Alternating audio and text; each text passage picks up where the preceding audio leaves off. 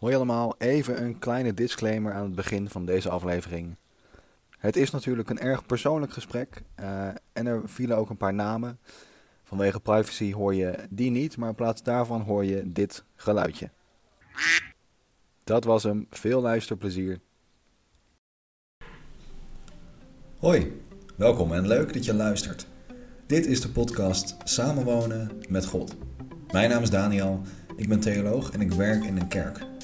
Mijn vriendin Esther en ik zijn aan het nadenken of we willen samenwonen. Dat vind ik best een lastige keuze, want in de kerk waar ik ben opgegroeid heb ik geleerd dat dat niet iets is wat God wil. En als ik daar nog had gewerkt, dan zou dat ook problemen geven voor mijn positie in de kerk. Maar in de kerk waar ik nu werk is het helemaal geen probleem. Hoe kan dat? Heeft God een duidelijke regel voor elk stel? Of laat Hij ons vrij om een eigen weg te zoeken? En wat vraagt Hij dan van mij? Als mens, maar ook als voorbeeldfiguur in de kerk. En wat wil ik zelf? Met die vragen ga ik op pad. Ik ga in gesprek met mensen die dicht bij me staan en ik hoop zo antwoorden te vinden. Ik nodig je uit om mee te luisteren en met mij op reis te gaan. Vandaag ga ik in gesprek met Bert, de vader van Esther. Dat vind ik best wel spannend en dat zul je straks ook wel horen. Als ik voor een lastige keuze sta, vind ik het fijn om het daarover te hebben met mensen die dicht bij me staan. En als vader van mijn vriendin is Bert natuurlijk ook betrokken bij onze relatie. Hij wil het beste voor zijn dochter. Maar wat denkt hij dat dat betekent? Ik weet ook dat het huisje, boompje, beestje verhaal bij Bert niet helemaal ging volgens het plan wat hij van de kerk had meegekregen. Daar ben ik ook wel benieuwd naar. Goed. We zijn begonnen. Bert, fijn dat je mee wilt doen. Alle plezier dan. Ja. We zitten hier eh, op jouw zolder. Lekker bij de pooltafel. Ik, eh, ik vind het wel een beetje spannend eigenlijk. Ja? Ja. Wat dan? Nou, ik weet niet. Het is toch eh, eh, dat ik hier met mijn eh, soort van schoonvader zit over mijn relatie te praten. Dat is toch wel een beetje gek. Spannender als de andere gesprek. Ja, ik denk het wel. Ja? Ja. Er zit een beetje lading achter. Ja, Hoeft niet hoor. Nou, dat is fijn. Ja, ik weet niet. Het voelt toch een beetje van, ja, je, hebt, eh, je hebt één dochter. Dat is toch een beetje je, je schatje. Ja, dat kun je wel zeggen. maar ik wil gelijk even een beetje van die spanning van jou eh, wegnemen. Oh, dat is fijn. Want eh, ik ben natuurlijk bijzonder trots op mijn dochter. Hmm. En ik was altijd, toen ze 16, 17, 18 werd, toen dacht ik van, oeh, waar komt ze mee thuis? Ja, ja, En, ja. dat was voor mij zo belangrijk, veel belangrijker als eh, bij Daan en, of bij, eh, Bij je zoons. bij mijn zoons. Ja. Ehm, maar Esther heeft heel lang gewacht Hmm. voordat ze verkering kreeg. En toen ze verkering kreeg, deed ze het gelijk met de goeie. En dat wou ik je even meegeven. Dat is want- heel fijn om te horen. Ja, ik, eh, ik vind echt dat ze het een stuk minder kan treffen. Dank je. Ja. Dus, gaat het nu beter daar? Ja, dat is wel fijn. Dat is fijn. Ehm, je, hebt, je hebt wat afleveringen gehoord en eh, nou, je, je zit hier in de hoedanigheid omdat Es en ik een beetje aan het nadenken zijn van nou, eh, waar willen we heen met onze relatie? Willen we misschien gaan samenwonen of wachten we daarmee? Of eh, gaan we trouwen? Of, nou, wat is een beetje het pad dat we willen bewandelen? En dat heeft natuurlijk ook te maken met ons geloof en hoe we kijken naar relaties. Eh, en bij mij raakt het ook een beetje aan eh, het werk wat ik doe. Ja. Dat ik toch ook wel een gevoel heb van, oh ja, een soort van voorbeeldfunctie in een kerk. En zeker samenwonen is altijd in kerk een beetje een, een, een, een- ja, een gevoelig ding. Eh, niet in de kerk waar ik nu werk, in de, in de protestantse gemeente. Ik wou zeggen, dat verschilt per kerk nogal. Ja. Ja. Ja, ja. En per tijd waarschijnlijk ook. ja. per generatie. Eh, ja, hoe, hoe, hoe kijk je eigenlijk naar deze zoektocht? Want ik denk dat, eh, hè, willen we samenwonen of trouwen of zo, dat is misschien, eh, was dat voor jonge stellen eh, ook wel een vraag toen jij mijn leeftijd had. Maar daar werd toen niet een podcast over gemaakt, denk ik. Volgens mij had je die toen nog niet. Maar, het ook niet. Nee, inderdaad. Nee, maar dat vind ik ook een van de mooie dingen aan jou. Hè? Eh, wij hebben ook af en toe van die bijbelstudies met... Ja. En eh, dat jij over zaken wil nadenken en eh, bewust leeft. En dat vind ik prachtig. Dus dat jij dit doet, vind ik geweldig. En dat- dat ik daar een rol in mag spelen, vind ik ook prachtig. En Ja, eh, voor mij is het natuurlijk ook een beetje speciaal, voor hè, mijn dochter. Maar ik Hmm. heb eh, in mijn leven een aardige omslag gemaakt Hmm. op dit gebied. Ja. Misschien is het goed om even te vertellen waar ik vandaan kom. Ja, Al weet jij wel het een en ander van mij al. Maar voor de luisteraars. voor de luisteraars. ehm, ik kom uit de vrijgemaakte kerk. En ehm, toen ik jong was, een tiener, eh, toen was samenwonen geen issue. Dat, eh, dat bestond gewoon niet. Eh, wel buiten de kerk waarschijnlijk, maar ik, ik had een leven binnen de kerk. Ik had vrijgemaakte vriendjes, vrijgemaakte categorisatie, vrijgemaakte vereniging, vrijgemaakte school. Eh, ik zat in de vrijgemaakte wereld. En daar, de regels die daar golden, daar heb ik nooit vraagtekens bij gesteld. Dat was gewoon hoe het was. Vroeger. Er was niet een, een, een probleem waar tegenaan werd gelopen, want het was er gewoon niet. Nou, nee. Nou ja, eh, dat is het leuke. Ik eh, ontmoette een meisje en dan krijg je toch vraag, vragen van hoe, hoe gaan we dat doen met seksualiteit en Ja. met, met ja, hoe gaan we ons, ons proces daarin volgen. Ehm, maar voor mij is nooit de vraag geweest van of samenwonen daar. eh, het was meer, je krijgt verkering, Ja. je verlooft Ja. en je trouwt. En dat is het, eh, het schema wat je volgt. Ja. Dat was in mijn tijd zo. En ehm, toen ik Ria leerde kennen, toen was ik al wat ouder. En ehm, ja, toen was ook seksualiteit wel een punt. Maar zoals je misschien weet, eh, hebben wij onze eerste zoon hebben wij gekregen, of die is eigenlijk ehm, ontstaan, doordat wij voordat wij trouwden eh, met elkaar naar bed zijn gegaan. Ja. Ja, zo is het bij mij gegaan. Ik, wij hadden een datum voor ons huwelijk. Ja.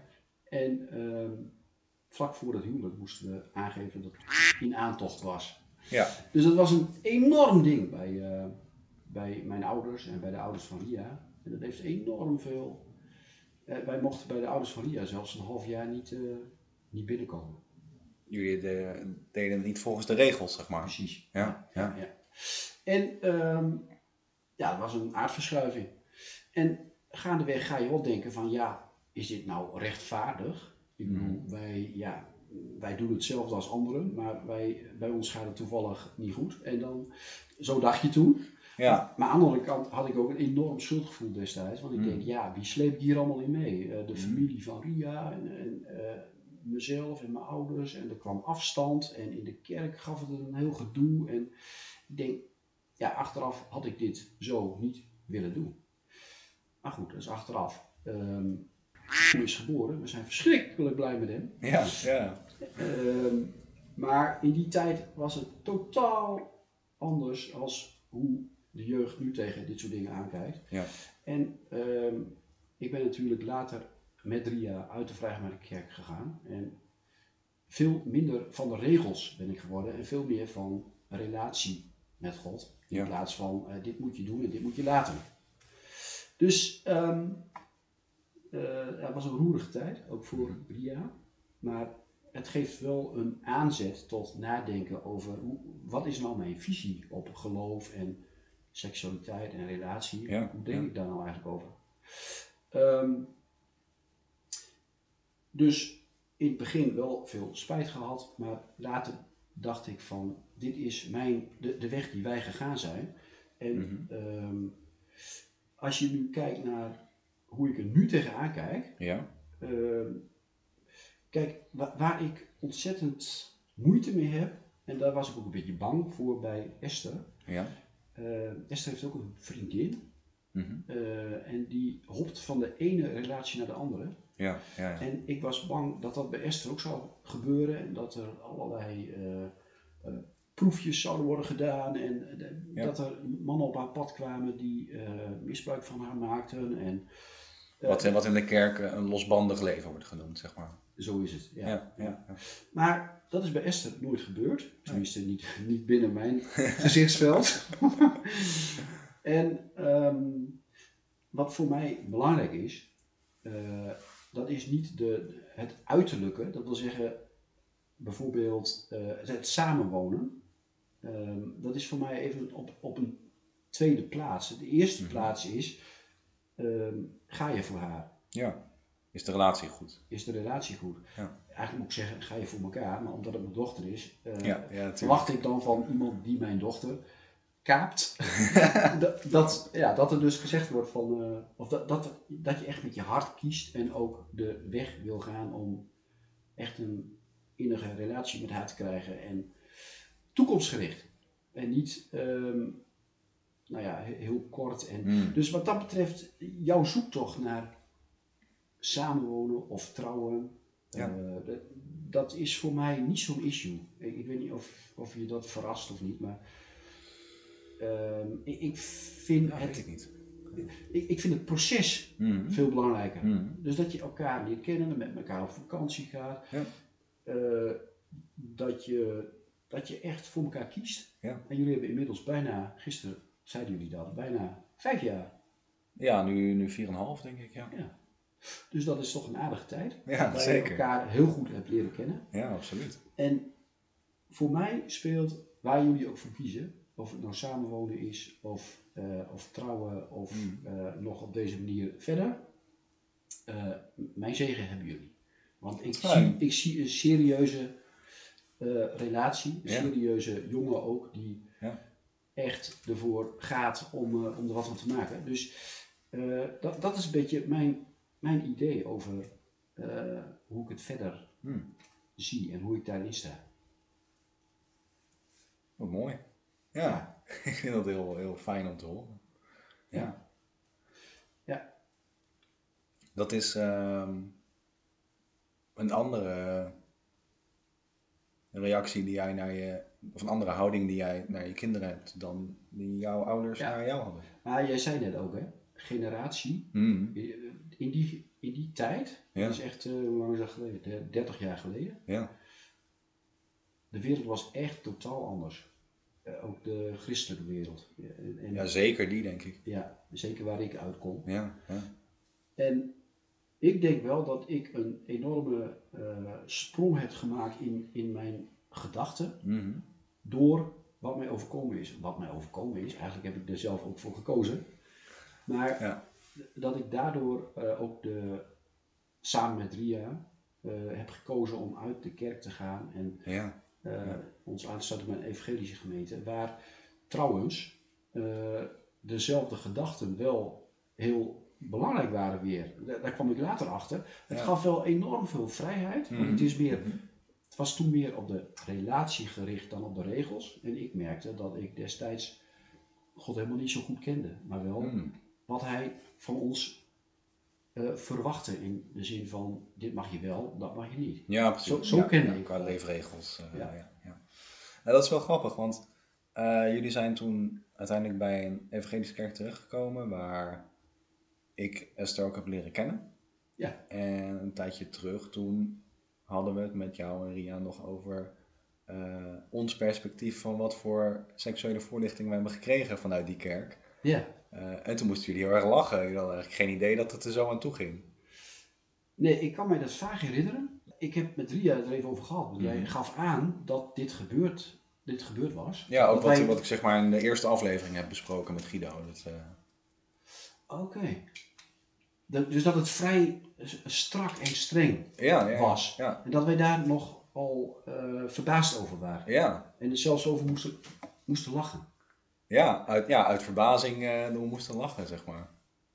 Zo van, nou dat meen je niet, ging dat echt zo? Ja, volgens mij, wij zijn natuurlijk als, als eh, dertigers Hmm, bij deze gemeente terechtgekomen. Ja, En voor ons was, was toen, waren het hele andere dingen belangrijk. De, de doop en eh, Mm, ja. de plaats van Israël en ja, eh, allerlei andere geloofsthema's waren belangrijk. En dit is natuurlijk iets voor jeugd. Ja, dat hadden wij al wat achter ons gelaten. Dus waarschijnlijk was er verbazing over wat jullie vertelden. Ja. Over hoe, de, hoe die gemeente omging met seksualiteit en relatie. En dat dat vrij... Dat leek best wel veel op wat jullie hebben Exact. meegekregen vroeger. Ja. Ja, grappig is dat Ja. eigenlijk. Dan kun je bijna wel wat een orthodoxe gedachte Ja, zeker. noemen. Ja, Ja. Dus vandaar denk ik verbazing. ja, Ehm, Ja, ik sta er anders in. Hmm. Eh, nou, wa- wat ik net zei, de, de weg om naar een goede relatie te komen vind ik belangrijker dan wat je daar precies voor keuzes in maakt. Ja, ja, ja. Dus je, je denkt zeg maar niet dat op het gebied van natuurlijke ontwikkelingen in een relatie met seksualiteit of samenwonen of trouwen, dat God voor elk stel zeg maar hetzelfde stappenplan heeft. Absoluut niet. Hmm. Nou ja, als ik God eh, door de jaren heen heb leren kennen, dan Ja. denk ik dat hij met ieder zijn weg gaat. En Ja. als, jij, als ik keuzes maak die niet helemaal zijn wat hij wil, dan gaat hij ook daar weer in mee. Hmm. Dus eh, als je maar in relatie blijft, maar je kunt af en toe keuzes maken waarvan je achteraf denkt, nou had ik misschien niet moeten doen, maar dan ben je God niet mee kwijt. De- Nee, nee, dus nee. ik denk dat, dat we misschien straks, als we God eh, echt ontmoeten, dat we zullen lachen over waar wij ons allemaal druk over gemaakt hebben Ja, in ja, het ja. leven. ja. Want ik vind ook dat christenen onderling over zoveel dingen, over kleine dingen die ze heel groot maken en daarmee de pers ingaan en Hmm. heel veel kapot maken. Hmm. Ik denk dat je elkaar ook in dit soort keuzes ontzettend vrij moet laten. En dat je, eh, dat je met elkaar niet over regels aan zich moet hebben. Maar meer over eh, hoe je met relaties omgaat en met de relatie met God zelf. Dat, dat is voor mij veel belangrijker dan de keuzes die je maakt. Jij hebt een heel ander leven als ik Ja. gehad. Dus jij maakt op basis daarvan keuzes die heel anders zouden kunnen zijn dan, dan ik ze maak. Ja. En daar moet je elkaar in respecteren, vind ik. Ja. Dat is voor mij belangrijk. Ja, ja, dat deed ik wel met je. Het is inderdaad. ehm, ik heb dat ook wel in, in eerdere afleveringen gezegd. Van ik, ik heb ook wel een soort geloofsontwikkeling gemaakt. Dat ik, ik ben wel opgevoed met dat redelijk zwart-witte beeld van. Ja. God heeft heel duidelijke regels en een duidelijk plan. En eh, niet alleen als het gaat over relaties, maar ook over werk. Dat als je daar maar genoeg voor bidt, dat je een duidelijk antwoord krijgt van dat is de plek waar God je wil hebben. Hij heeft van tevoren helemaal uitgestippeld, zeg maar, oh, dat wordt je partner, dat Ja. wordt je werk, dat is Ja. je roeping. Ehm, als je ziek wordt en je bidt, dan word je beter. Allemaal dat, ja, al, Ja. heel duidelijk, zeg maar, God in een soort van maniertjes eh, uitleggen. Eh, en dat heb ik nu niet meer. Nu inderdaad veel meer als iemand met wie je samen op reis gaat en samen zoekt naar het goede pad. Ja, en soms dwaal je wat af, maar je kan ook gewoon weer samen terugkomen. Ja. Ehm, ja, daar ben ik heel blij om dat je dat zegt. Want voor mij, ik, ik heb tijden gehad in mijn geloofsleven Hmm. dat ik verschrikkelijk bezig was met ehm, hoe dicht staat God op mij. Hè? ja, Dus elke zin die ik zeg, elke keuze die ik maak, hoe klein ook, Ja. daar is God bij betrokken, is ook zo. Maar Mhm. daar, eh, daar is God zo dicht bij betrokken dat alles wat je, wat je meemaakt is een seintje van die kant moet je op, die kant moet je op. En daar ben ik van teruggekomen. ja, Ik denk dat God de mens zo gemaakt heeft dat hij eh, een heleboel eigenschappen van God zelf ook heeft. En dus ook keuzes mag maken eh, binnen de marge die God geeft. En dat God dus niet zo dichtbij staat dat hij je meteen om de oren slaat op het moment dat je één, één dingetje anders doet dan jij denkt dat zou moeten. ja, dat ja, dat impliceert ook als God zo'n uit, uitgestippeld plan met je leven heeft, dan is dat, dat impliceert ook dat elke kleine keuze dat je die dus ook verkeerd kan maken. Ja. Dan Ja. komt er een heel, eh, een heel zwaar gewicht op je te hangen. Ja, dat had ik dus. Ja, ja. Ik, ja, ik heb best wel eh, tijden gehad dat ik echt onder de schuld gebukt ging. Dus dat ik Hmm. denk, "Ah, dit- ook dat voorbeeld wat ik net noemde met Tom, Ja, ja, maar ook daarna wel. Zelfs toen we overgestapt waren naar een evangelische gemeente, ja. eh, dat je denkt, nu, nu komt de vrijheid Ja. en genade, het is allemaal genade. En-. Maar toch ook vanuit die gemeente en vanuit die richting heb je zeker ook je, je regels waar je dan aan zou moeten voldoen. Terwijl ik denk, ja, een gemeente stelt die regels niet op. Het is, als ik de Bijbel bekijk, dan staan er ontzettend veel regels. Ja. Maar regels die voor het oude volk Israël golden, die kun je onmogelijk één op één op onze tijd en op onze cultuur leggen. Dus ik denk dat je in de Bijbel, ehm, dat je door de Bijbel heen een beetje het karakter van God moet leren kennen. Ja, karakter. precies. Ja. En als je dat karakter weet, dan ga je niet op al die eh, leefregeltjes die overal door de Bijbel staan, ga je denken van, oh, ik moet daaraan voldoen, daaraan voldoen. Het is geen wetboek. Het Zo is het niet geschreven ook. Nee. Nee. Dus het geeft een enorme vrijheid, maar ook wel verantwoordelijkheid, want eh, je maakt wel je eigen keuzes. Ja, zeker. En je kunt da- daarmee ook denken van, ik, ik dwal helemaal van het geloof af. Dat gebeurt bij mij niet, maar Mhm. ehm, je moet het wel in relatie tot God zien. Maar tot een God die, net als ik, naar Esther bijvoorbeeld, Mhm. dat probeer ik tenminste, haar in de opvoeding zoveel vrijheid te geven, dat ze zelf ook tegen dingen aanloopt en leert. En voor mij is God net zo'n vader, die, Ja.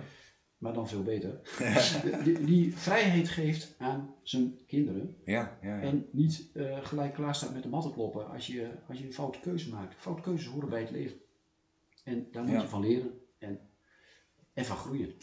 Ja, maar ja, inderdaad. Ook alleen maar op die manier ga je een eigen gevoel van verantwoordelijkheid krijgen. En je eigen normen en waarden Ja. vinden. Ja. Dat En kan- kan niet als je te beschermd wordt opgevoed. Nee.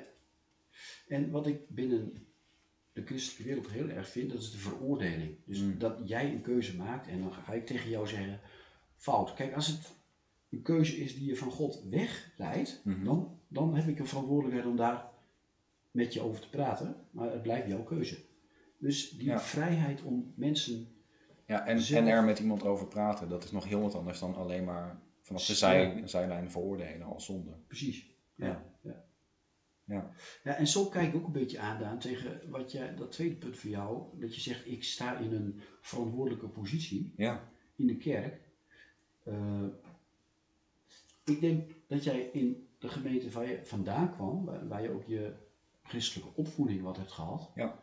dat je daar misschien nu nog wel eh, op vrij veel weerstand zou kunnen eh, rekenen. Hè? Jawel, op ja. het moment dat jij ervoor uitkomt van, nou, ik heb gekozen om eh, te gaan samenwonen en nog niet te trouwen, dan zou ik niet het ambt kunnen vervullen daar. dat, dat is waarschijnlijk het geval, ja.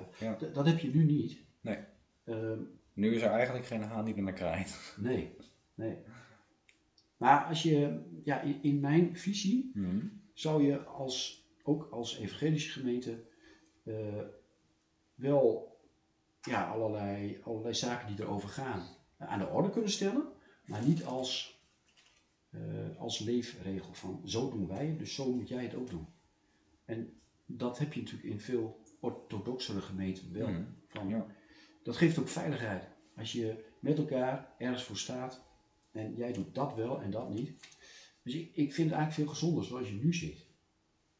Eh, dat, dat jij gewoon je ding mag doen, maar binnen je ambt eh, heb jij wel duidelijk aangegeven: ik heb een relatie met God en ik wil Ja. leren en ik wil. Dit is ook een vorm van leren voor jou. Dat, dat je met mensen praat over hoe denken jullie erover? En daarmee kun je zelf misschien je eigen gedachtenvorming laten plaatsvinden. Ja. Door, door gesprekken met mensen. Ik heb in de, in de Vrijgemaakte Kerk bijvoorbeeld wel geleerd. ehm, als je daar met iets zat, dan was het zo opgelost. Er was één zin, zo doen wij dat. Ja, ja. En ik heb veel meer aan gesprekken met mensen die anders denken. Ja, Dan word ik pas, geprikkeld. ja, Ja, dan moet je zelf ook wat gaan vinden. Ja. Ja, ja. ja het is wel lastig, zeg maar. Vanuit mijn positie in de kerk. ehm, kijk, ik zal, ik zal nooit vanuit een, eh, vanuit een preek of een pastoraal gesprek eh, zeggen: God wil niet dat je samenwoont. Want dat, dat vind ik ook niet. Ehm, op, op dit thema denk ik, nou, volgens mij pak ik dat redelijk goed aan. Eh, ik maak er ook een podcast van, die kan ik ook, ook delen met de wereld en probeer daar ook mee stellen in andere in dezelfde situatie, wat input te geven. En zo denk ik ook een soort signaal naar de gemeente toe van, kijk, maak deze keuze en die is wel overwogen en eh, samen met Esther, samen met God gedaan. Eh, maar het, is altijd wel een, lastig ding als je daar dan staat op een zondagochtend. Want, nou ja, bijvoorbeeld ook in, in preek heb ik het wel eens gehad over eh, dierenwelzijn. En dan denk ik, ja, maar goed, ik, het is niet zo dat ik al, mijn, eh, al het vlees wat ik eet, dat die dieren echt een supergoed leven hebben gehad of zo. Dat voelt dan wel een soort van, ja, ik heb het idee dat ik in een proces zit, hoe ik daarmee om moet gaan, eh, met wat ik eet en hoe ik met mijn lichaam omga. Eh, maar ook dat ik wel eens wat te makkelijk voor mezelf ben. Of dat je dan voelt van, ah, is dat niet hypocriet of zo dan? Dus ik probeer dat dan ook altijd maar zo transparant mogelijk te zeggen in een preek. Als ik het over zo'n onderwerp heb, dat ik er wel bij zeg van, ik vind het ook heel moeilijk. Ik, doe, ik ga daar zo en zo mee om. Uh, maar ja, je hebt heel snel het gevoel dat je een soort moraalridder bent, zeg maar. Die zegt, ja. mensen, jullie moeten het eigenlijk zo doen. En als je dat niet doet, dan doe je het eigenlijk toch niet helemaal goed. Ja, ik denk dat je dat juist heel goed doet. Maar er spreekt toch een beetje schuldgevoel in door. Als jij zo'n preek uh, hebt, hè, mm -hmm. en dat je daarin aangeeft, ja, ik, ik, doe het ook al niet altijd goed, maar dat, voor mij is dat zo logisch als wat. Uh, ik, ik ken jou als iemand die bewust over dingen nadenkt en dat zo, zo uh, ja, goed mogelijk ook volgt als je erover nagedacht hebt. Ja. Maar niemand is toch perfect? Je, je, nee. kunt toch af en toe, uh, omdat je er even geen zin in hebt, kun, kun, je dingen anders doen dan wat je, waar je eigenlijk voor gekozen hebt. Mm -hmm. Mm -hmm. De, die perfectie. Uh, ik heb altijd een, ja, wel een hekel aan predikers ja. Uh, die vanaf het podium uh, vertellen hoe het moet. En ja. dat zij daar heel goed in zijn. En die kwetsbaarheid, die zie je ook wel bij voorgangers. Ja. Dat vind ik altijd, daar leer ik altijd het meeste van. Dan denk Mm. ik van ja, ik pak jouw boodschap beter op Ja. van hoe het eigenlijk zou moeten. Als jij zelf zegt van joh, ik ben ook maar een mens. En ik, uh, ik, ik, heb dit ook niet perfect voor elkaar. Maar goed, daar is Jezus voor gestorven, toch? De, als je Ja, nou, ja, ja, zeker. Als je nou precies alles deed zoals jij preekt, en jij hebt je daar precies aan gehouden, nou, Ja. dan ben je voor mij een, een superchristen. Maar dat, dit, Dan heb je Jezus ook niet nodig, zeg dan maar. heb je Jezus niet ja, nodig. ja, dat is ook waar, ja. Ja. Ja, Dus dat, dat is, ik, ik denk niet dat schuldgevoel, dat zou op zijn plaats zijn als jij iets verkondigt waar je Ja. echt totaal niet achter staat. Maar dat, zo is het niet. oké, ja. Ja, ja, ja, ja. Ja, want ik, ik, ik voel ook wel dat je, nou niet alleen als, als iemand die werkt in de kerk, maar überhaupt als christen heb je wel de verantwoordelijkheid om je uit te spreken over bijvoorbeeld onrecht wat in de wereld gebeurt. Ja. Ook als je er zelf aan bijdraagt. Ja. Eh, wat was het nou afgelopen week of zo? De- zag ik een, een rapport voorbij komen dat heel veel elektronica die wij hier in huis hebben in, eh, in, wordt gemaakt in kampen waar Oei- Oeigoeren onder Ja. verschrikkelijke omstandigheden aan het werk worden gezet. Dan denk je, ja, ja. ja. nou, aan de ene kant denk ik van ja, je hebt wel de taak als christen om daar iets over te zeggen en, en om daarnaar te wijzen en dat ook wel te veroordelen, Ja. maar dan ook jezelf. ja, maar dan wordt het wel een heel moeilijk leven hoor. Als je dat. Ja, ja, Want Het is- je weet natuurlijk lang niet alles. Wat, wat er Nee. allemaal achter producten. Je hebt hier een laptop staan. Ja, wie weet wat Ja. er allemaal. en je microfoon zou er niet in praten, geen idee. Nee, waar het allemaal vandaan komt, waar het gemaakt, kinderarbeid. Ik, ik, kijk, als je het weet, Hm. dan, dan kun je ervoor kiezen om te zeggen van, nou, daar, daar neem ik afstand van. Ja, precies. Ja. Maar als je het niet weet, dan. Je, je, je moet toch leven? Je, je weet niet alle achtergronden. Nee. Maar als je erachter komt, ben ik het wel met je eens dat je dat ook met elkaar moet delen. Hm. En dat je dan anderen de verantwoordelijkheid kunt geven van, eh, nou, je doet daar wat mee of niet. Maar ook als iemand daar niks mee doet, dan respecteer ik dat nog. Hm. Ja. Alleen, het brengt misschien een denkproces op gang. Ja. Dat is wel een, eh, ja, een punt. Ja, het, het, het, het is fantastisch mooi werk in een kerk, maar het is ook zo precair. Ja. Zo, eh, Maar voel je dat binnen de PKN, inderdaad, als... nee, meer binnen, fout doen? Nee, meer binnen mezelf. Ja. Ik voel dat niet van, van buitenaf. En dan komt dat dan door je opvoeding in de gemeente waar je de christelijke opvoeding hebt gehad? Sowieso, gedeel, sowieso gedeeltelijk. Of door je eh, ouders? ja, ik weet niet. Ik heb aan de ene kant van mijn ouders denk ik heel veel vrijheid al meegekregen. Hmm. En aan de andere, ja, ze waren ook altijd wel eens maar heel van de positieve feedback, zeg maar wel, wel lovend. En dat heeft, dat brengt op de ene manier, is het heel fijn om te horen. En ook krijg je dan een soort gevoel van, oh, dit moet ik dus altijd, ik moet het altijd goed blijven doen. Of zo. Naar je ouders toe, naar... Of naar ja. in het algemeen. In het algemeen, ja. ja. En ik denk gedeeltelijk uh, vanuit kerkelijke opvoeding dat ehm, het ging altijd wel, denk ik, redelijk veel toch wel over zonde en genade. Dus dat je wel bewust van werd gemaakt als je dingen verkeerd deed. En het is ook denk ik gedeeltelijk gewoon karakter, dat ik graag het goed wil doen. Ja. Ja, dat zit er wel in. Ja. Ja, ik, ik ken jou wel als iemand die serieus nadenkt. Oh, ik, ik, ken jou natuurlijk niet, uh, als ik jou niet zie, dan weet ik niet wat je allemaal uitvreet. ik, ik denk, ik ken jou wel als iemand die, uh, die het gesprek aangaat, die mhm. serieus met dingen aan de slag gaat. Mhm. uh, als je dat ook naar de gemeente waar je staat laat zien, en ook je kwetsbaarheid daarin, ja. dan zie ik dat probleem niet zo. Um, je, je, die verantwoordelijkheid maak je misschien iets te groot. Dat jij een functie hebt in de kerk, mhm. dan heb je inderdaad een voorbeeldfunctie. Er staan ook wat teksten in de Bijbel over ja, ja. Uh, oudsten die worden aangesteld. Die moeten dan uh, één vrouw en gezin. En, ja.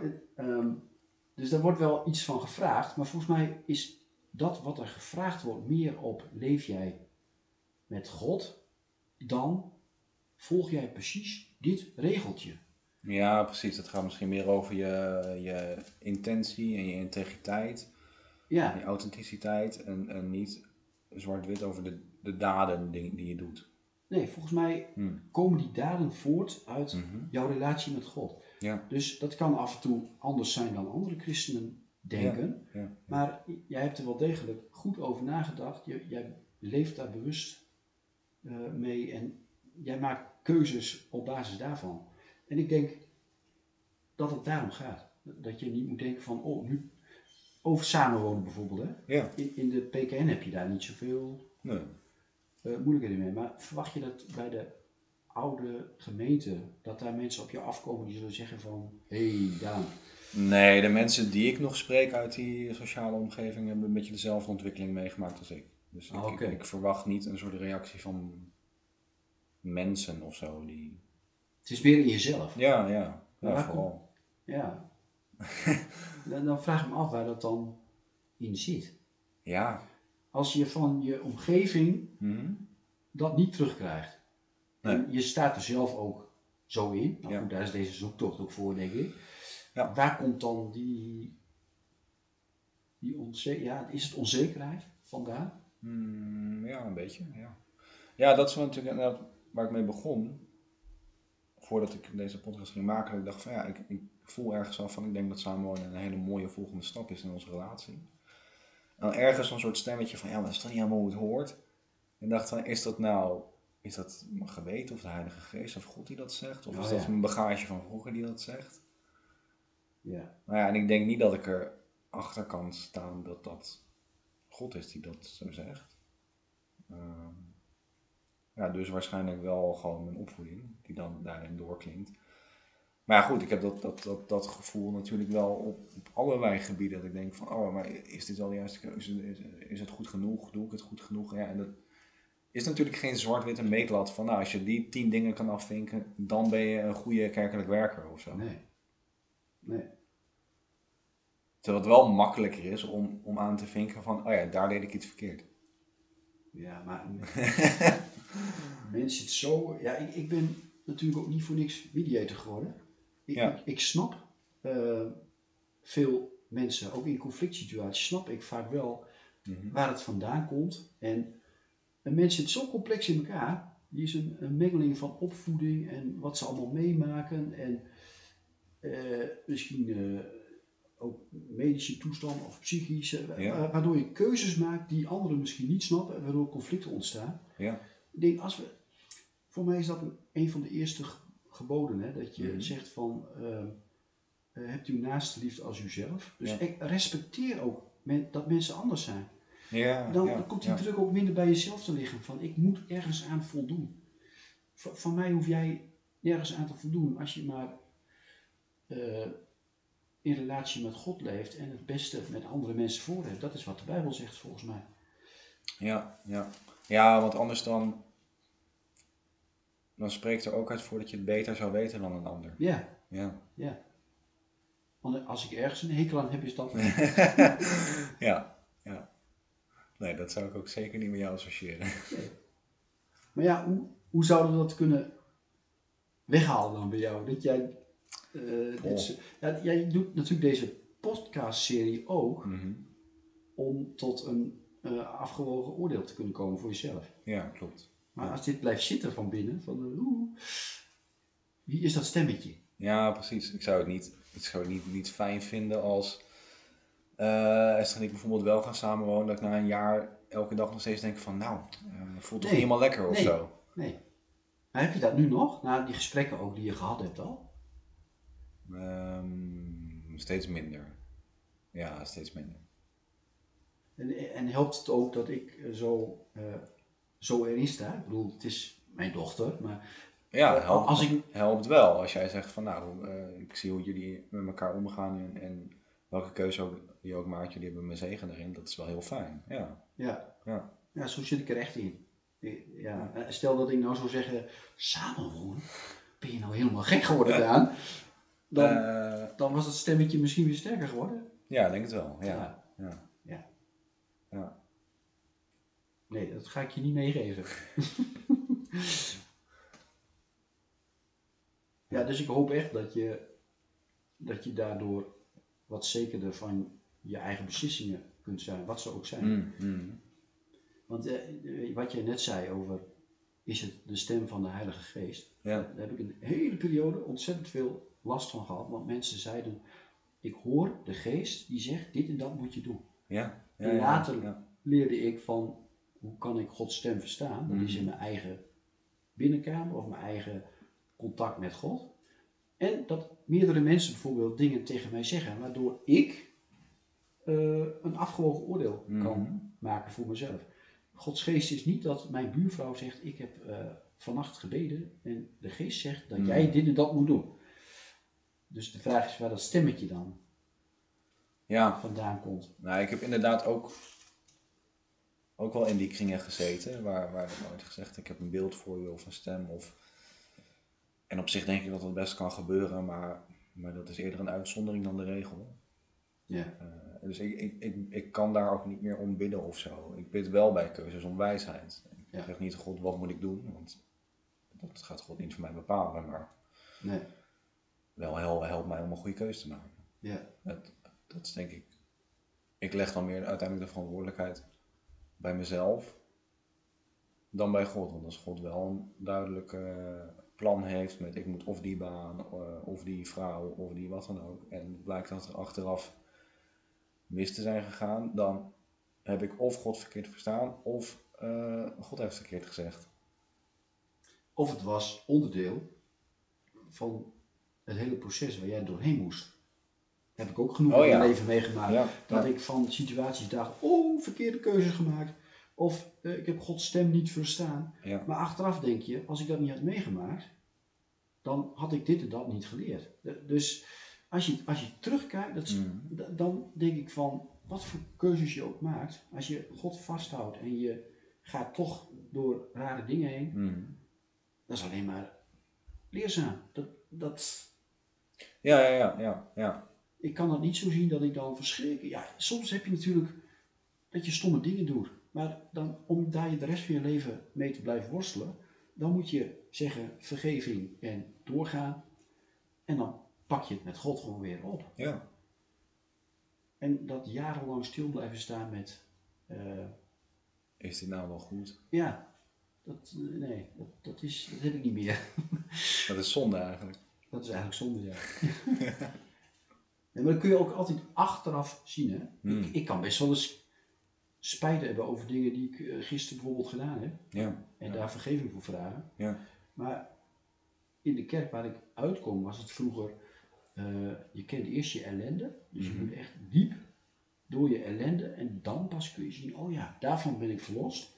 Maar voor mij was dat te zwaar. En ik denk ook dat God weer zo'n vader is, zoals ik net zei, Mhm. dat hij de vrijheid geeft en ook de vrijheid om fouten te maken. Ja. En daarna weer samen verder. Zo zie ik Ja. God. Dat je ook echt verlost bent en niet Ja, dat dingen nog jaren door je hoofd heen malen. ja. Precies. Ja. En het geeft wel veel meer lucht. En Ja, het is een heel ander soort geloof dan wat ik vroeger had. Het is wel hetzelfde geloof, maar Je kent God op een andere manier. ja, heel anders. Ja. Ja.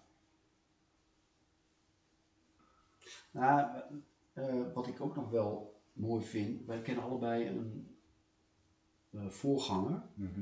eh, waar we ook nog wel eens naar luisteren. Mhm. Eh, die heeft dat wat ik graag ook wil. Ja. dat is dat je niet als voorganger een supermens bent. Ja. Je bent gewoon één van de kinderen van God. Ja. Die deelt hoe jouw levensweg met God verloopt. Met zijn toppen en zijn dalen. Dus ook Ja. met dingen die fout gaan. En ook met onzekerheden. En, en volgens mij is dat het voorbeeld van hoe een voorganger moet zijn Hmm. kwetsbaarheid en dingen meegeven. En ehm, dan heb je ook minder snel, denk ik, jouw zware verantwoordelijkheidsgevoel. Eh, moet ik dit wel doen? Als je het op die manier brengt, dan ben je net een mens als alle anderen die een speciale taak heeft van God, maar die zich niet verheven voelt. Maar die wel door zijn levenservaring mensen dingen kan meegeven. En dat gaat het beste als je dat in alle facetten doet. Dus met fouten en met goede dingen. Ja. ja, ik merk dat ik me daar ook het, het fijnste bij voel. Als ik eh, een lezing of een preek of een workshop of wat dan ook geef, dat ik dat dan ook heel erg, nou niet zeg maar zo erg bij mezelf hou dat het om mij gaat. Ehm, ja, maar gewoon, gewoon open van, hé, hey, dit, dit is niet iets wat je, dit is niet per se makkelijk of zo om, eh, om te leven naar, naar Gods hart, zeg maar. Dat is best wel een uitdaging. Ja. Ehm, Ja. Maar laten we het ook gewoon samen doen. Ja. Ja, en dat er, dat er geen eenheidsworst is, daar ben ik ook steeds meer achter gekomen. Je bent Hmm. als christen geen eenheidsworst. Je bent zo'n uniek mens. Met Ja. je eigen karakter en je eigen opvoeding. Laat elkaar in, in elkaars waarde. Ja, ja, ja, ja. Dus ook met keuzes die je maakt, eh, je kan het erover hebben, zoals wij het nu erover hebben. Ja, Ik- ja. als ik een andere mening had gehad en jij was toch doorgegaan, had ik niet gezegd, eh dat verkeerd. Nee, Ik ben niet meer welkom met kerstdiner. nee, nee, absoluut niet. Had ik niet gezegd. Dus eh, ja, jij maakt keuzes op basis van alles, eh, hoe jij bent gevormd en wie Hmm. jij bent. En dat mag.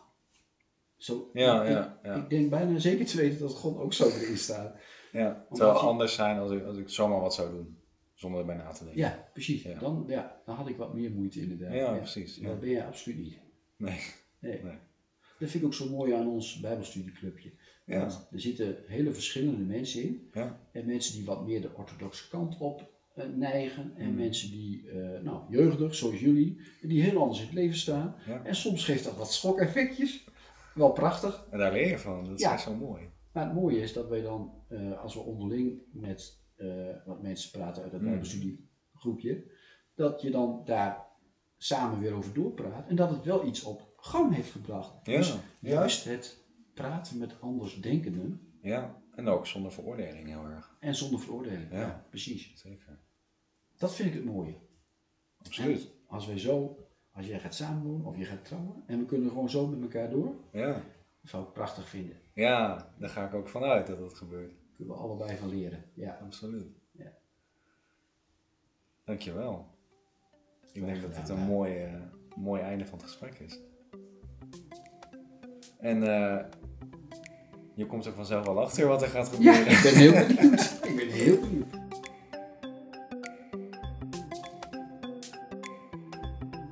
Het gesprek viel me enorm mee.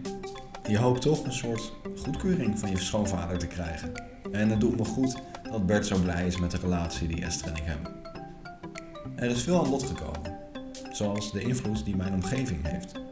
Stel nou dat we gaan samenwonen. Lig ik er dan wakker van als mensen daar kritiek op hebben? Nou ja, niet per se, want we zouden die keuze alleen maar wel overwogen maken. Maar ik zou het natuurlijk wel vervelend vinden als onze familie of vrienden er problemen mee zouden hebben. Maar dat is normaal, denk ik. Wat zwaarder meeweegt, is het stemmetje in mijn achterhoofd. Zoals ik al zei, wil ik niet na een jaar samenwonen nog steeds twijfelen of het wel een goed idee was. En daarom ook deze podcast. Door gesprekken te hebben met anderen kom ik dichter bij een keuze waar ik echt achter kan staan. En dat stemmetje dat verdwijnt langzaam. Verder zijn er nog twee dingen die ik meeneem uit dit gesprek. Ten eerste zijn alle mensen zo verschillend. Bert zei het al vaker, iemand kan een keuze maken die je niet begrijpt, maar je hebt vaak geen idee wat voor omstandigheden en geschiedenis er meespelen. Dus als ik straks tot een conclusie kom, dan is dat niet de enige waarheid. Voor een ander koppel kan iets helemaal anders het goede zijn. Ik vind het een mooi voorbeeld hoe Bert geen oordeel over een ander veld, terwijl dat vroeger bij hem wel is gebeurd. En nog een hele belangrijke les. Ik hoef niet bang te zijn voor iets. Ik geloof niet dat er een kraakheldere regel is vanuit God over of samenwonen wel of niet goed is. Kijk, het kan wel zijn dat voor Esther en mij dit op dit moment niet een beste keuze is. Stel dat we daar nou later achter komen, achteraf. Dan kunnen we gewoon weer bijsturen naar wat goed voor ons is. Dat doen we dan met elkaar en met God. Het is niet zo dat deze keuze leidt tot of een prachtige volgende stap in onze relatie, of iets wat afstand zaait tussen ons en tussen God. Nee, natuurlijk niet. Ik denk dat ik het wel een tijd lang zo heb gevoeld, maar nu niet meer. En dat scheelt enorm veel gewicht. Goed, we zijn weer een stap verder. Luister je de volgende keer weer?